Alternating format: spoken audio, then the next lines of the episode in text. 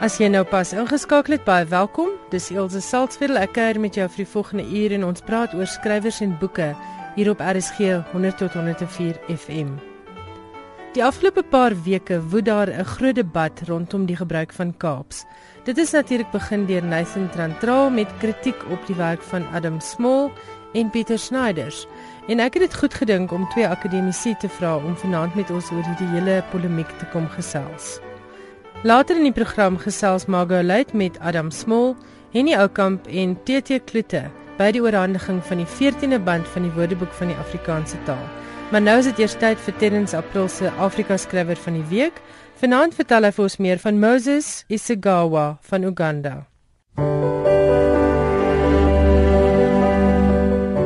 Moses Isagawa is in 1963 in Kavente in die noorde van Uganda gebore. Na sy skoolopleiding het Isagawa sy onderwysdiplome in Mubende verwerf en begin om onderwys te gee in geskiedenis. Hy het nog later na Nederland verhuis waar hy 'n navorserspos in Amsterdam tot op hede bekleë. Moses Isagawa het twee romans gelewer. Sy eerste een is Abyssinian Chronicles wat in 2000 verskyn het. En 5 jaar later het hy Snakepit uitgegee. Isagawa het in 'n onderhoud gesê dat hy nog altyd boeke as 'n bron van inspirasie in sy lewe gesien het. Hy het veral betower geraak deur die vermoë van 'n skrywer om 'n wêreld, 'n lewe, 'n toneel in woorde te kan skets. Hier is 'n uittreksel uit Abyssinian Chronicles. Three final images flashed across Serenity's mind as he disappeared into the jaws of the colossal crocodile. A rotting buffalo with rivers of maggots and armies of flies emitting from its cavities. The aunt of his missing wife, who was also his longtime lover, and the mysterious woman who had cured his childhood obsession with tall women. The few survivors of my father's childhood years remembered that up until the age of seven, he would run up to every tall woman he saw passing by and, in a very gentle voice, trembling with unspeakable expectation, say, Welcome home, Ma. You were gone so long I was afraid you would never return. Taken by surprise, the woman would smile, pat him on the head, and watch him wring his hands before letting him know that he had once again made a mistake. Dit was 'n uittreksel uit Abyssinian Chronicles van Moses Isagawa. Hierdie kort huldeblyk aan een van ons Afrika skrywers is saamgestel met die hulp van Robin Malan se A to Z of African Writers en uitgegee deur Shooter.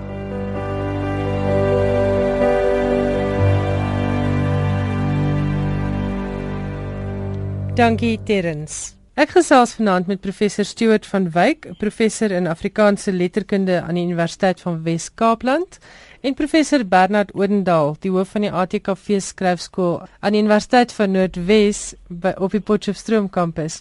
Baie welkom en baie dankie dat julle bereid is om met ons te praat. Baie dankie Ilse. Baie dankie Ilse en 'n goeie aand aan die luisteraars. Ons praat bietjie oor die hele polemiek wat woed rondom Nathan Trantral met sy uitsprake rondom Adam Small en Pieter Snyders.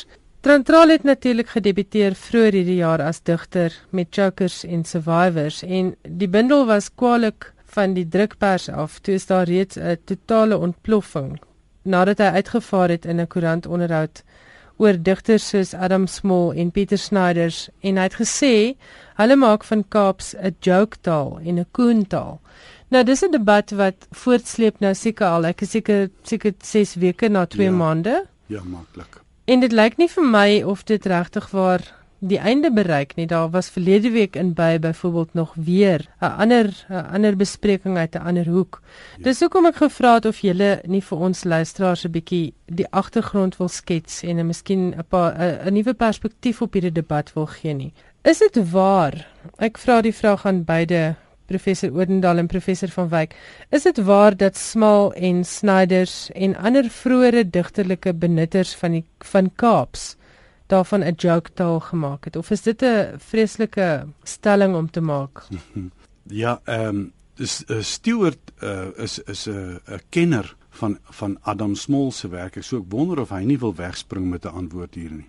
Uh ja, dankie Bernard. Ek dink dit is eerder die teendeel. Ek dink nie dat uh, Adam Small en uh, Pieter Snyders en hulle voorgangers aan Kaapse uh, joke taal wil maak nie. Die voorgangers dink ek spesifiek aan uh, S.W. Petersen En uh, ook van Wyk Lou het uh, in sy klipwerk 'n paar sonette in Kaaps gedig en ook uh, Pieter Bloem. Maar ek dink uh, jy weet dat Adam Small is eintlik die eerste digtersfiguur in Afrikaans wat uh, Afrika uh, Kaaps op 'n uh, wye skaal begin benut het. En uh, Adam Small wil juist die stigma wat aan Kaaps kleef wil hy omkeer. Uh, meermale word daar verwys na sy voorskrifte uh, en ook sy naskrif by die bundel Gitaar met Kruis waarin hy spesifiek sê dat uh, Kaaps is nie kypie soos sommige Engelse mense dit doen dit noem of uh, gammataal soos sommige Afrikaanse mense dit noem nie. Hy beskou dit as 'n volwaardige taal waarin mense hulle eerste skreeu skreeu en hulle doodsroggel roggel Ehm uh, en hy probeer eintlik daar 'n lansie breek vir uh, Kaaps as 'n uh, poesie medium en 'n mens sien dan ook in sy digkuns uh, dat hy Kaaps op 'n baie genuanceerde wyse en in verskeie forme aanwend, nie net alleen om humoristies of uh, geestig daarmee om te gaan nie, maar ook veral om uh, die hartseer van mense op die Kaapse lewe uit te beeld.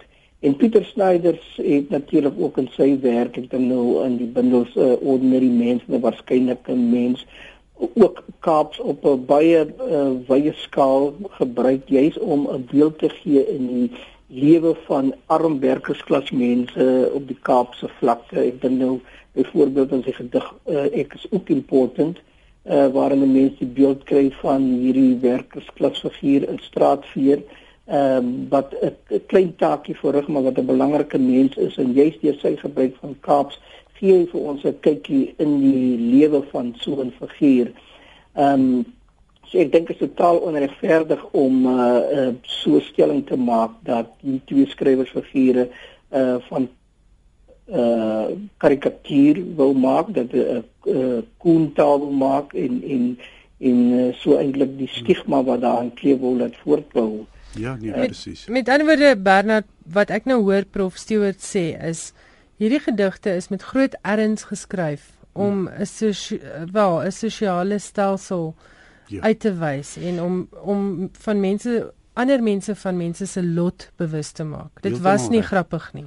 Heeltemal reg. Ek ek ek dink 'n mens kan uh onder meer twee funksies aflei twee strategie uh, twee doelwitte wat uh, iemand soos Adam Smol byvoorbeeld bereik het met deur Kaaps te gebruik. Sy eerste twee digbundels uh het hy nie van Kaaps gebruik gemaak nie en dit is sedert Gitaar my kruis van 1962 as ek reg onthou stuur ja. dat uh die gebruik van Kaaps daar dat die impak van wat hy gesê het oor die lot van die van die breinmense onder die bestel van destyds die trefkrag begin kry. Dit lyk vir my dit druk 'n bepaalde identiteit uit. En ook 'n identiteit van van van van 'n gemeenskap wat soos ander gemeenskappe gemarginaliseerd was in daardie tyd.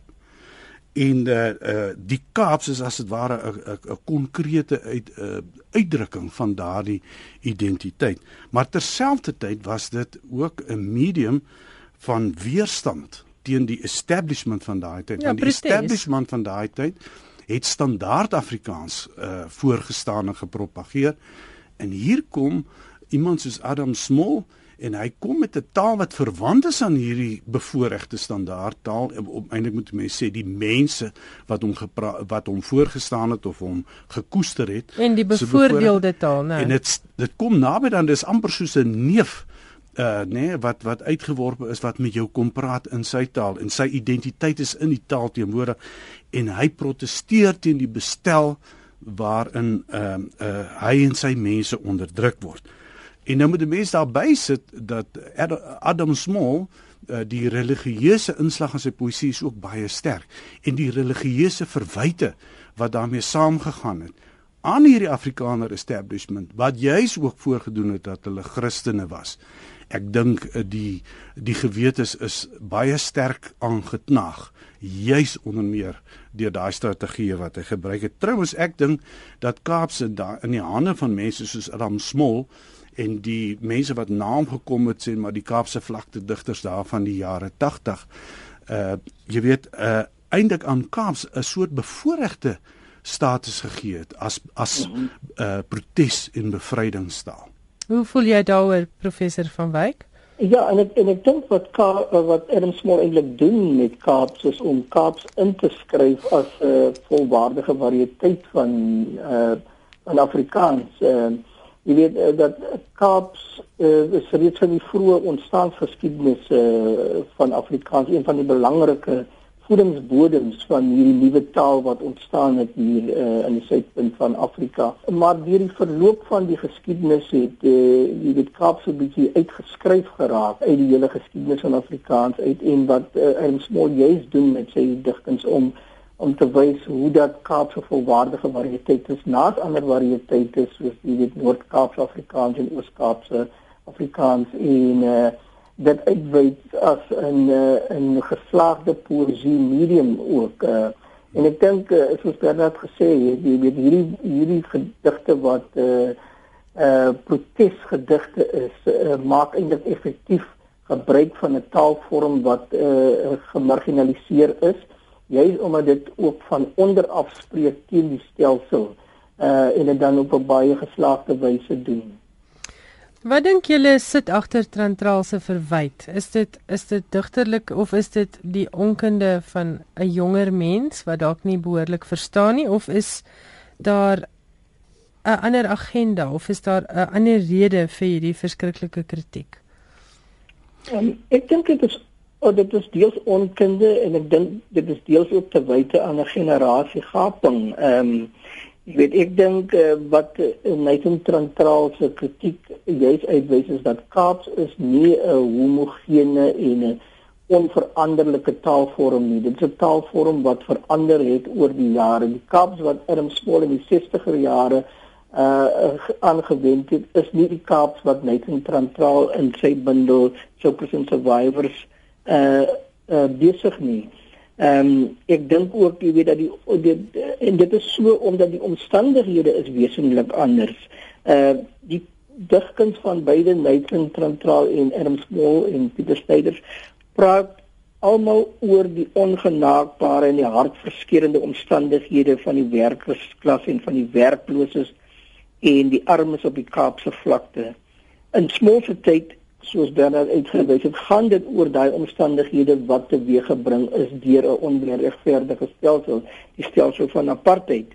Uh dinge wat wat die gevolg was van wette soos die groepsgebiede wet, uh uh wette wat werksreservering uh op die wetboek geplaas het, uh, die ondigwet en so voort. Met ander woorde geïnstitusionaliseerde ja, apartheid. Ja, geïnstitusionaliseerde verontrigting. Ja. Uh wat gelei het tot uh, hartverskeurende omstandighede wat gelei het tot armoede uh en al die ander uh, ewels wat daarmee gepaard gaan. Nightingale taal praat van vandag wesentlik oor dieselfde goed, maar nou is die invloede anders want hier gaan dit nou oor bende geweld.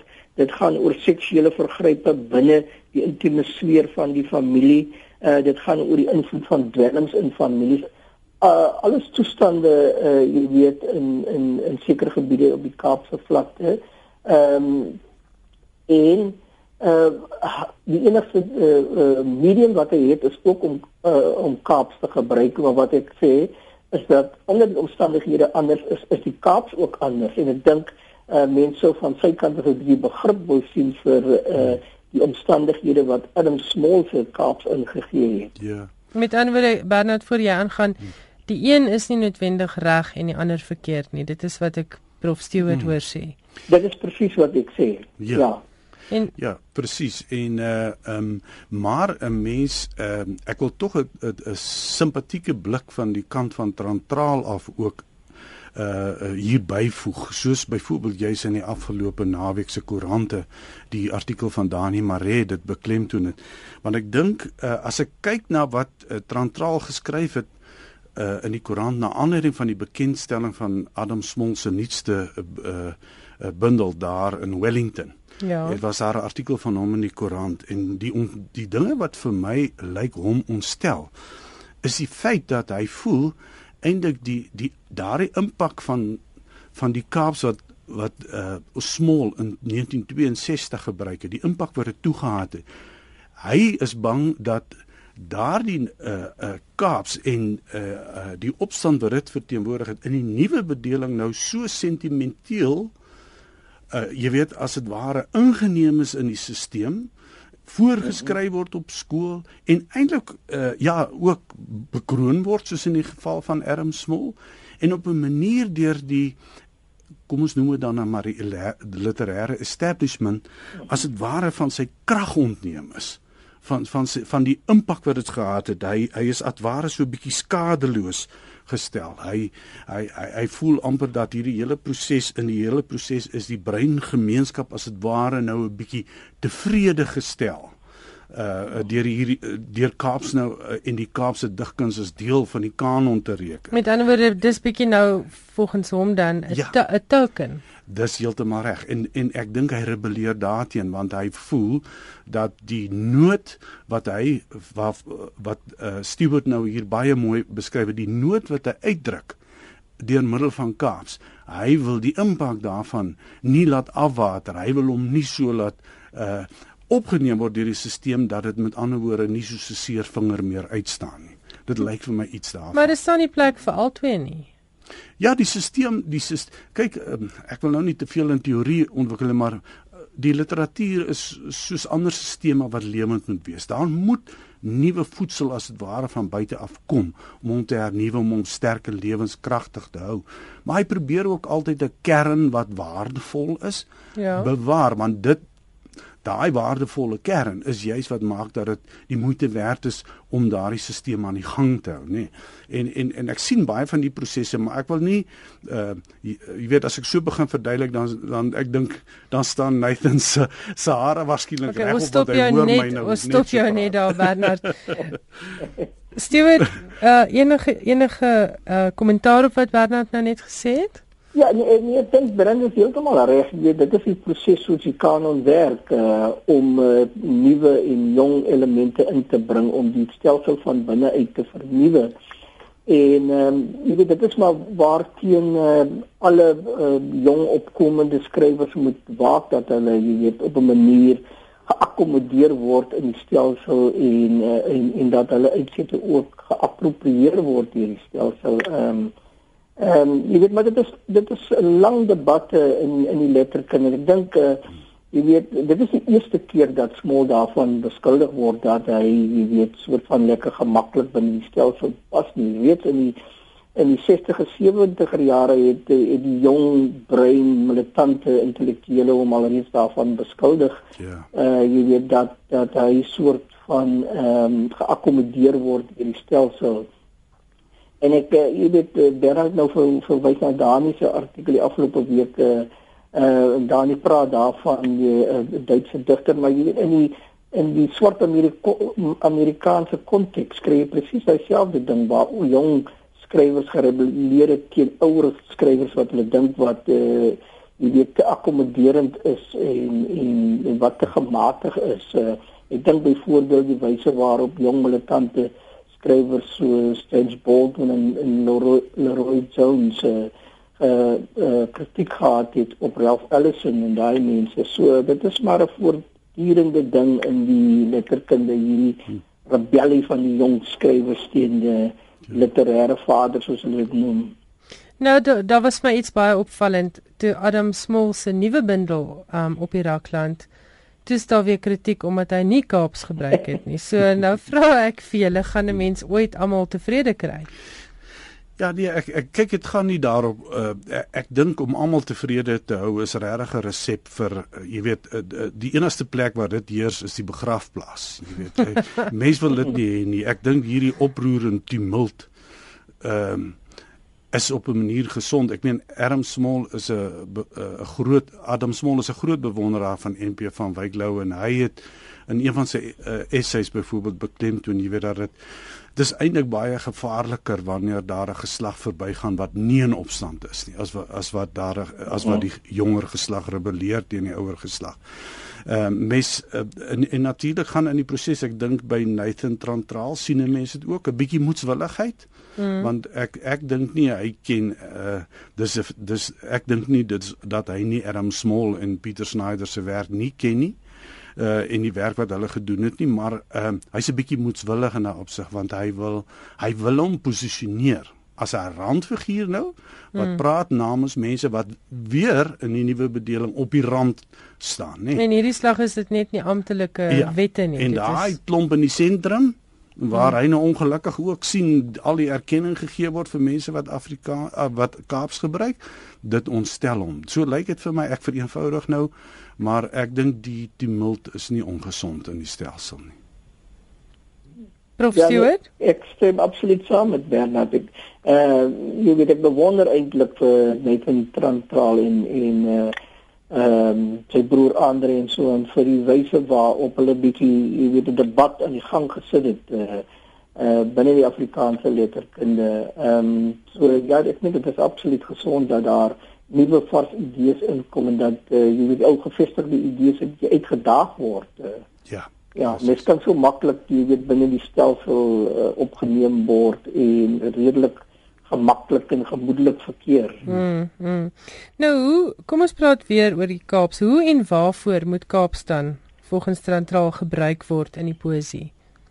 Kyk, ek dink ons kan dit uh, uh, aflei uit 'n hele paar van die dinge wat ons tot hier toe gesê het. Maar ehm um, ek ek dink hy wil hê dit moet 'n autentieke 'n uh, uh, eerstehandse vergestalting wees van die dikwels verminkte en gemarginaliseerde wêreld waaruit hy skryf en namens wie hy eintlik ook voel hy skryf. En uh, hy beklemtoon byvoorbeeld dat dat die Kaaps wat hy gebruik sy leeftaal is, nê? En dat uh, uh, uh, Adam uh, nie Kaaps uh, besig en dat dit standaardtaal eintlik die taal is waarmee uh, Adam Small sy nuwe bundel is uitsluitlik in die standaardtaal geskryf. En as 'n mens uh, sowel uh Small as Snyder se digbundels gaan kyk, dan sien jy in al daai digbundels van hulle, daai waarin Kaaps voorkom, was daar ook gedigte in standaard Afrikaans. Terwyl dit nie die geval is in in in Trantraalse bundel. In, in, in, in ek dink hy voel dis autentiek aan daai werklikheid wat hy uitdruk. Prof Stewart? Ja, nee, ek dink uh, die hele debat wys nou net dat Kaaps se poesie medium medium in eie reg en, en dis waarvoor small insiders nog al die tyd geagiteer het. En ek dink dit jy weet dat die stof waaroor die digter dig sal die medium bepaal, sal die medium eintlik aanbied. So as daar geskryf gaan word oor die Kaapse vlakte, dink ek kan dit nie anders as in Kaaps wees nie. Ehm um, en ek meen daar is so baie kwessies op die Kaapse vlakte wat uh, skrywers aangryp. Ehm um, en hulle sal daaroor skryf en hulle sal Kaaps gebruik uh, daarvoor en Ek dink uh, ek sien dit nou reeds hier onder my eie studente, jy weet daar is al reeds 'n nuwe geslag wat krities is teenoor Trantraal. Uh, so, Dis nou interessant. Dit is interessant wees om te sien wat is die nuwe stemme uh, wat uitkom. Dit is baie interessant dat jy sê daar's klaar kritiek daarteen. Goed 'n ja. laaste uh, vraag miskien. Ehm um, die reaksie teen Adam Small van Nathan Trantraal se kant af het 'n vreeslike klomp ehm um, simpatie ontlok vir Adam Small spesifiek, maar veel minder. Daar's veel minder in die bresse getree vir Pieter Snyder. Hoekom sou dit wees? Wat sê jy, ja, Stuart? Ja, Bernard. Wat sê jy daarvan? Uh, ek ek dink dit is maar net omdat Small 'n bekender figuur is as uh, Snyder, 'n groter oeuvre het. Ehm uh, hy is eintlik soos 'n literêre vader vir hierdie uh, groep skrywers en natuurlik ook die verering wat hom onlangs te beurt geval het met die Hertzogprys. Ek meen so as jy 'n uh, eh, figuur wil bestorm, is Smol die groot een om dit te doen ja. om so 'n pan te gebruik. Ja, is prominent. Uh, maar dit beteken nie dat uh, Snyders 'n minder belangrike figuur is nie. Ja. Nee, presies. Nee, want dis dis my gevoel ook dat dat Adam Smol dan so 'n uh, uh, sentraal in die kanon staan. Hy's so gesentraliseer in die kanon dat jy weet dat mense amper kwaliek krities oor Adam Small kan wees. En dis juis uh onder meer hom wat dan deur deur Trantraal uitgesonder word. Nee, daai heel sentrale figuur wat die Hertzogprys gekry het en waaroor ander mense uh jy weet uh, ek het gekyk nou die dag na 'n um, resensie wat verskyn het oor uh, Adam Small se nuwe bundel en dan is daar woorde soos groot en groots in die opskrif ja. van die resensie maar as jy laer af in die resensies uh, lees dan sien jy dat die die kritikus tog wel krities staan oor van die gedigte wat daarin is. En uh dit dit jy, wat, wat ek wil sê is rondom Adam Small, hy het so aura, hy het so status nê. Nee. En dat uh dat hy miskien juist die uh, sal ek sê van hy trantraalse hoek uh, jy weet en en mense wat soos hy voel die gewenste persoon is om as dit ware aan te val. En ja. en die kanon die mense wat die kanon beskerm uh, aan wat rolle speel in daai hele stelsel is baie verontrus hieroor. En die mense uh, en wat wat die mense wat trantraal aanval het ek as 'n leek ek is glad nie 'n akademikus nie maar het ek as 'n leek gesien was meer tydgenote van small. Ja. Is ek reg prof Stewart? Ehm um, Ja, uh, in in in 'n mate ja, so daar is baie mense wat hom uh, erken as 'n smaller ken as 'n gesagsfiguur en wat dit eintlik as jy weet as uh, iets onheiligs beskou om nou hierdie figuur aan te val. Ja. Ja. Hm. Enige slotopmerkings, is daar iets wat jy nog wil sê? Nee, ek wil maar net sê ehm uh, uh, jy weet uh onrustigheid in 'n in 'n stelsel kan natuurlik gevaarlik word as dit 'n uh, dreig om die stelsel uiteen te ruk om die die hele literatuur uiteen te ruk en dat mense nie meer met, met ander woorde voel hulle wil belê nie omdat dit nie meer waarde genoeg het nie. Of hulle is ek, nou bang om om hulle sê te sê ja, want nou net is dit nie goed maar genoeg nie. Ek dink in hierdie geval lyk dit nie vir my na, na iets wat bedreigend is, is eerder 'n uh, 'n gesonde verskynsel meen ek. Prof Stewart? Ja, nee, ek dink het net gesê jy weet die debat is gesond vir die literêre stelsel, uh, soos ek ook al gesê nuwe idees, uh, nuwe uitdagende idees voed net die stelsel. Uh, ek dink dit is wat ons nodig het in die Afrikaanse letterkunde. Ja. Uh, en aan die ander kant, jy weet, uh, net intraal is nou ook al besig om ingeburger te word in die stelsel. So soos ek net ja. gesê, dit sal interessant wees om te sien hoe 'n volgende geslag op hom gaan reageer en uh, ja. mense begin al die eerste tekens uh, daarvan sien. Meneer, baie dankie vir julle tyd. Baie dankie dat julle die moeite gedoen het om aan hierdie debat deel te neem en dat julle dit vir ons gewone mense baie meer verstaanbaar gemaak het. Baie dankie Ilse. Baie dankie. Ek het gesels met professor Stuart van Wyk van die Universiteit van Wes-Kaapland en met professor Bernard Oendal van die Noordwes Universiteit en die ATKV Skryfskool. Ek is Ilse Saltzwedel en jy's ingeskakel op RSG 100 tot 104 FM. In die eerste helfte van die program het ons oor Adam Smol gepraat en nou gesels kollega Mago Luit met Adam Smol. Sy praat ook met Henny Oukamp en TT Kloete. En dit was tydens die geleentheid waar die 14de band van die Woordeboek van die Afrikaanse taal aan die drie ringkoppe van Afrikaans oorhandig is. Hier is Mago in gesprek met Adam Smol. Wat beteken so skenking aan jou so huldiging? Ja, Mago, uh, dis 'n baie groot geskenk, né? Nee? Ehm um, baie groot sê ek in die sin dat gendigter wat sy sou werd is kan sonder 'n woordeboek op sy tafel so na aan sy hand as moontlik klaarkom nie. 'n Woordeboek is in 'n baie werklike sin die hart van die poësie. Ek dink nou aan hoe ek die afgelope tyd min of meer oorvloedig begin skryf het weer en dit het alles met die byderhandheid as ek dit so mag noem van my woordeboek of woordeboeke dan te doen.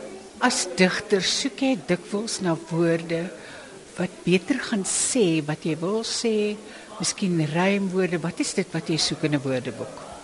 Ja, ek meen so. Uh jy weet 'n mens skryf. Jy sit 'n woord op jou papier neer, lees dan weer en dink nee, kan dit nie beter nie. En wat doen jy dan? Dan gaan jy na jou woordeboek en jy begin soek. En meestal kry jy ook waarvoor jy soek. En so gaan dit maar voort. Uh jy weet 'n gedig soos uh ons natuurlik reeds ehm uh, vir mekaar gesê het 'n gedig is nooit af nie, finaal af nie. Ek meen dit is Paul Valéry, die groot digter wat gesê het die digter uh, kry nooit klaar met 'n gedig nie. Hy verlaat dit later, maar net. Dink jy dat uh, die variante van Afrikaans genoegsaam opgeneem is in ons Afrikaanse woordeboeke?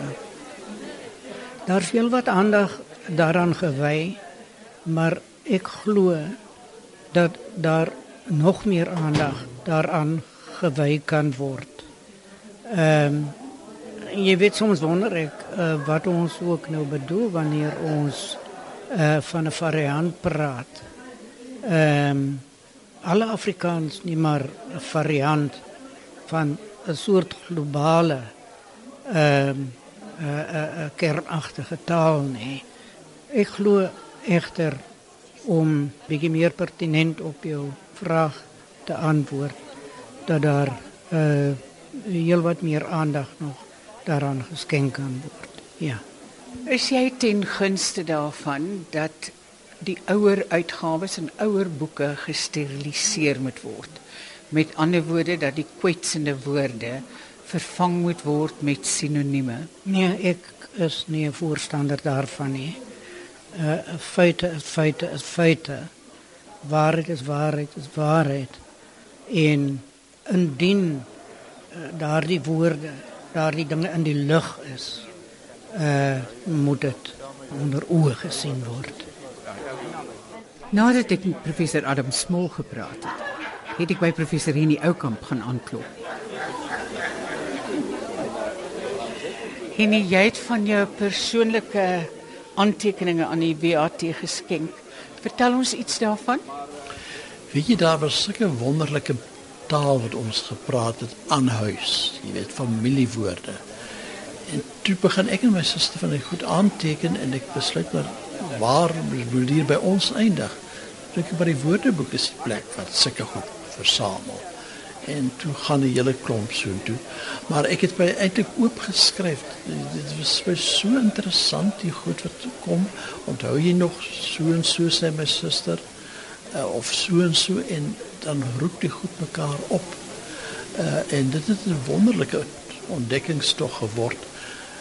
En ons besef ons is baie keer die enigste twee mense wat nog 'n bepaalde uitdrukking ken.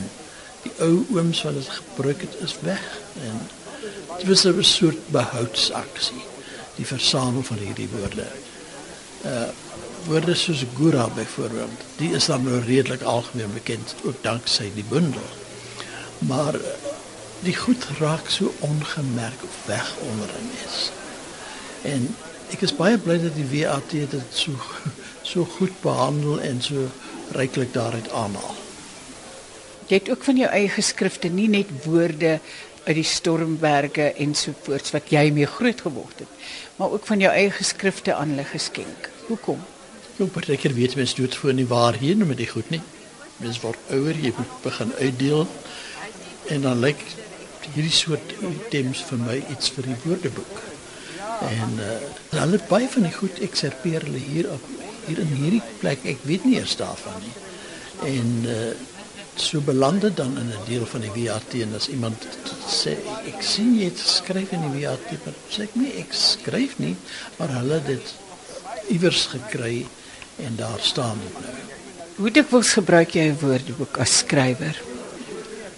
nogal minder as wat jy sou dink. Maar ek gebruik dit en ek gaan altyd terug na die VAT.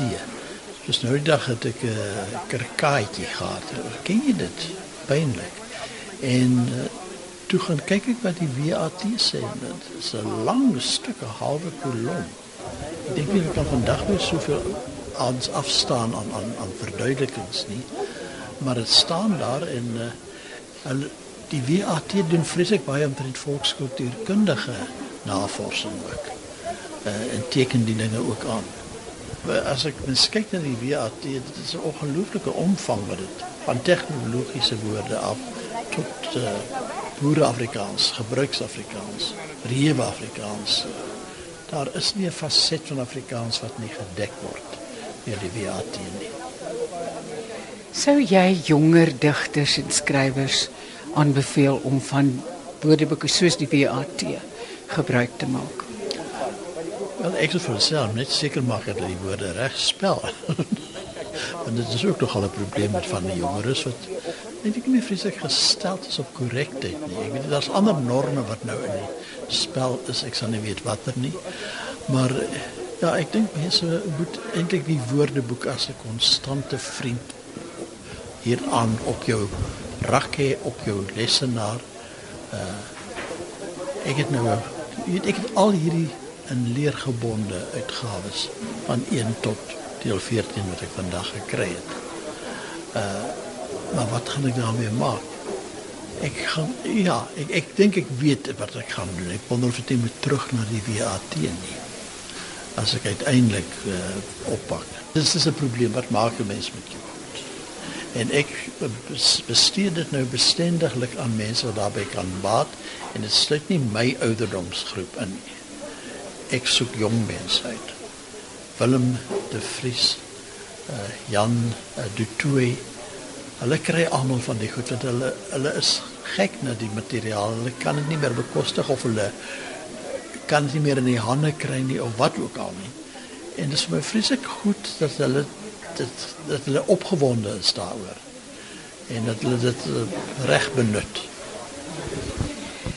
Een laaste vraag, het jy al 'n kans gekry om te kyk na deel 14? Ek het hom so 'n paar minute gelede ontvang. Maar uh, hy voel lekker en hy ruik lekker en hy sal ook lekker wees. Is joune in leer gebind? Ja, om aan te pas by die voorafgaande, jy weet, ek het uh, die hele voorafgaande was in leer en toe vra Willem vir my, toe sê ek wel dit mag miskien nou ook 'n bietjie uh, vrypostig wees, maar albei ander is in leer en ek wil hê dit moet een soliede stel wees. Toe kry ek dit in leer. Ek dink alreeds het in leer gekry. Is daar nog iets wat jy wil sê wat jy voel wil sê? Ek wil net sê ondersteun die WAT. Ek is bly oor Nathaniel se klinkende woord. Dit kan nogal baie uitrig. Dat as iemand soos Nathaniel ook opgewonde raak, dan moet daar iets wees omtrent die WAT wat mens opgewonde stem. En laastens het ek vir professor TT Kloete gevra hoe dikwels hy 'n woordeboek gebruik. Daagliks. My woordeboeke lê op my lesenaar. Ek het 'n neefie wat uh, boer in die uh, Kalahari. En hy het 'n keer vir my kom kuier en hy het die woordeboeke daar gesien. Toe sê hy vir my maar ek dog jy is 'n uh, geletterde en 'n geleerde man. En wat maak die woordeboeke hier? Toe sê ek dis my ploë en my planters. Uh, toe sê ek vir hom julle boere gebruik nie woordeboeke nie. Maar ons skrywers ge gebruik woordeboeke. Ek gebruik hulle daagliks. En nie net Afrikaanse woordeboeke nie, maar ook ander. Griekse, Latynse, ehm uh, Italiaanse, Franse, veral Franse en en Engelse, natuurlik Duitse, Nederlandse. Ek het talle en talle. Ek het 'n hele rak woordeboeke. En ek gebruik dit elke dag van my lewe. Daar gaan nie daar gaan nie 'n dag verby wat ek nie 'n woordeboek gebruik nie. Dit is ook die boeke wat heel naaste aan my staan. Jy het nou gesê lees woordeboeke. En met ander woorde, jy soek nie net na 'n spesifieke woord nie. Vertel vir ons daarvan. Nee, ek lees woordeboeke. Ek slaan natuurlik woorde oor wat ek ken. Maar ek uh, is ook nie sistematies laat ek by letter A begin en aangaan tot waar uh, uh, dit vandag eindig nie. Uh, maar ek lees uh, elke dag woordeboeke, slaan die woorde oor wat ek ken en uh, hou boek van die nuwe woorde wat ek aanleer. Ek dink my Afrikaanse woordeskat is tamelik ruim. Ek gebruik in my gedigte woorde wat mense uh, my verwyd dat ek groot woorde gebruik. Dis nie groot woorde nie. Dis net onbekende woorde. Maar soos byvoorbeeld die die woord antroposeen. Van ek om teëgekom het, het ek antroposeen gebruik in in in my gedigte. Wat beteken dit? Antroposeen beteken uh, dis 'n geologiese dis 'n nuwe geologiese term. Net soos jy Holoseen gehad het van vroeë oertye, kry ons vandag die antroposeen. Dit is die geologiese tyd van die mens wat alles eintlik vernietig. dit is 'n term wat nie baie lank bestaan nie, maar ek het hom baie gou opgetel.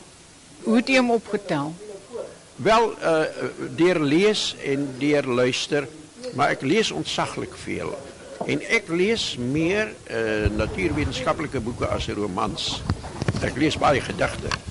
Maar ek lees nie so baie uh, romans nie, want ek uh, kan self maar 'n roman gaan skryf as ek wil. Trouwens daar lê een al jaar op my rekenaar en ek maak hom nie klaar nie want ek het ander uh, dinge wat voorrang geniet. Maar ek lees baie in die in die geologie en die antropologie, veral in die astrofisika. Dan tel jy die woorde op. En da, daarom is my woordeskat my digterlike woordeskat ruimer as die van die uh van van ander digters en lesers en dan neem hulle my kwaadlik as ek dit gebruik. Byvoorbeeld ek het nou ek frase net nou hier genoem wat uh, nooit in Afrikaans teëgekom het nie totdat ek hom gebruik het. En uh of uh byvoorbeeld uh, abiogenese wat beteken dat alle lewe uit stof uitgestaan het of fraktaal. Fraktaal is 'n wiskundige term. Maar ons gebruik die fraktaal gaan eintlik daarom dat daar nie chaos is nie. Daar's orde in die chaos. Maar dis ook 'n term wat gebruik word in die kunste. En ek gebruik hulle. En dit dit is vir my 'n wonder om af te kom op 'n enkele woord wat vir jou 'n hele paragraaf saamvat. Dis waarna ek soek, sulke woorde. Het jy al kans gehad om te kyk na deel 14? Nee, ek het nou nog nie kans gehad om na deel 14 te kyk. Ek het hom nou vandag vir die eerste keer in my hande gehad. Maar ek gaan hom nou lees. Ek gaan nou kyk wat staan daar in wat ek nie weet nie. Ek is nie 'n taalkundige nie, maar daar is by my 'n uh, baie groot uh, interesse in die taal. Soos in die woord tikkie wat ek nou hiervan vertel het. Waar kom tikkie vandaan? As jy in die Kessels gaan lees of, of in die Oxford Dictionary, dan gee hulle daar heel, hulle sê dit is 'n Afrikaanse woord. Maar gee daar geleerde verklaringe voor en dit is 'n gegis en 'n gedroom en 'n gejok. Hy kom gewoon van ticket af. En uh, ek ek sou ook in die linguistiek kon ingegaan het as ek wou. Maar die die poësie en die prosa het toe nou maar die oorhand geneem. Trouwens daar's baie dinge wat ek graag wou doen. Ek wou graag 'n astrofisikus word. Maar ek moet 'n keuse maak uiteindelik. Nou ek het ek het altyd vir my kinders gesê, genialiteit is one track mindedness. Soos by Einstein. Einstein het gesê ek wil weet hoe dink God en hy daarna gesoek en gesoek en gesoek. En ehm uh, ek het gesien by my dogter, een van my dogters, is verskriklik veelsidig. Sy kan skilder, sy kan sing, sy kan dig. Maar ek het vir haar gesê kies een ding. En gelukkig en en en nou sit sy met al hierdie goed en sy het nog nie 'n keuse gemaak nie. Ek het in my jong dae besef kies kies een ding. Ek teken en skilder ook. Maar ek maak nie daar iets van nie, is net 'n stokperdjie. Want jy moet kies. Jy, jy, jy ek, ek het baie belangstellings. Nou my leeswerk is baie uitgebrei. En daar tel jy hierdie woorde op wat ander mense nie ken nie. Baie mense nie ken nie. Dis mos 'n instrument. Dis gereedskap. Jy moet hom gebruik. Hoekom sal jy 'n paragraaf skryf as jy een woord het? En dit was my Kaapse kollega in gesprek met Adam Smol, Henny Oukamp en TT Kloete. Baie dankie, Margo. Die 45ste Man Booker Prys is verlede week toegekend en die ontvanger was die 28-jarige skrywer Eleanor Catton. Soos beloof het Johan Meiburg vir ons 'n insetsel voorberei oor hierdie merkwaardige 28-jarige. Johan, ons gesels vanaand oor die Boekerpryswenner wat verlede week aangekondig is. Sy is jonk, né, 28. Inderdaad so, ja. En Ben Okri het nou die aand by die oorhandiging gesê dis wonderlik um, dat sy die prys gewen het. Hy was tot en met Eleanor Catton die prys nou verlede week gewen het, was hy die jongste Boekerpryswenner op 32. Dit was in 1991.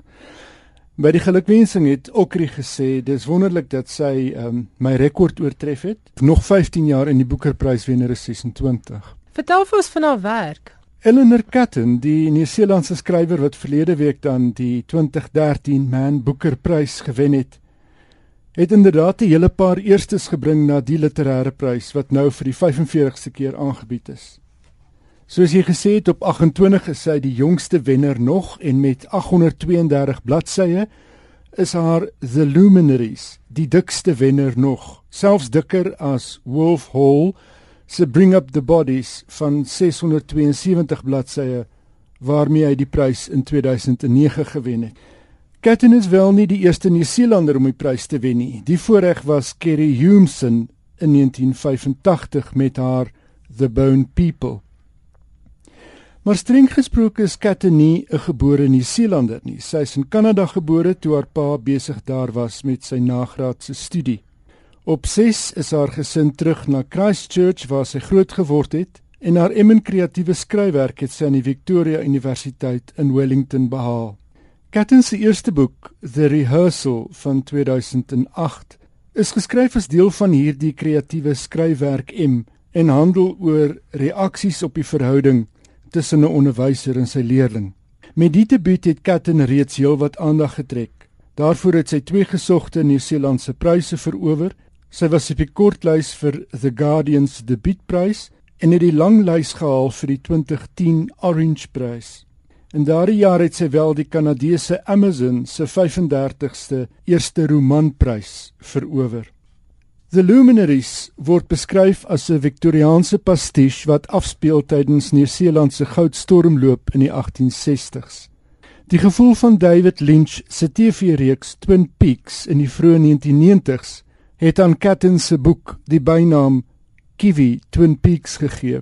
Soos iemand oor die boek opgemerk het, die manier waarop Katten onder die vel inkom van haar manskarakters, prostituie en opiumrokers is merkwaardig. Dis asof sy 'n veel kleurryker en opwindender lewe iewers geleef het as die jong vrou waaroor 'n mens lees of na luister op die radio. Katten vertel in die boek die verhaal van Walter Moody wat sy fortuin gaan soek op die goudveld en hom bevind in die geselskap van 'n groep mans wat in die geheim vergader om 'n reeks onopgeloste misdade te bespreek. 'n Welgestelde man het spoorloos verdwyn 'n Prostituut het haar lewe probeer neem en 'n skat van groot waardes ontdek in die huis van 'n dronkaard wat kwaliek enige geluk geken het. Moody word ingetrek in die geheimenisse wat so kompleks is as die sterpatrone in die naghemel. Hoewel die luminaries wemel van sterrewiggelary, het Katten nie erg aan die bedryf nie. Sodra jy iets snap van astrologie, het sy in 'n onderhoud met 'n Nieu-Seelandse koerant gesê, word dit gou duidelik dat die meeste sterrevoorspellings die basiese beginsels van elke sterreteken oor en oor gebruik. As hy nietemin vir haarself 'n voorspelling moes uitdink, wat sou dit wees? het die onderhoudvoerder vir haar gevra. Haar antwoord was: "Slaan ag op nie-verbale kommunikasie. Wees op die uitkyk vir dubbelstandaarde. As jy alles gehoor het, Gaan terug na die eerste opmerking en dink daaroor na. Laat iemand anders die leiersels 'n bietjie neem en luister as jy met jouself praat. Verlede maand het die organiseerders van die Man Booker aangekondig dat skrywers wêreldwyd in aanmerking gaan kom vir die prys met 'n geldwaarde van 825 000 rand. Die prys is tot nou toe gereserveer vir skrywers van Brittanje, Ierland en die Statebond. Sommige skrywers het hulle teen die besluit uitgespreek en gesê die beleid sal meebring dat stemme van minder bekende skrywers uit die Statebond, soos die van Katten, Zimbabwe se No Violet Bulawayo en Ruth Ozeki, gesmoor sal word.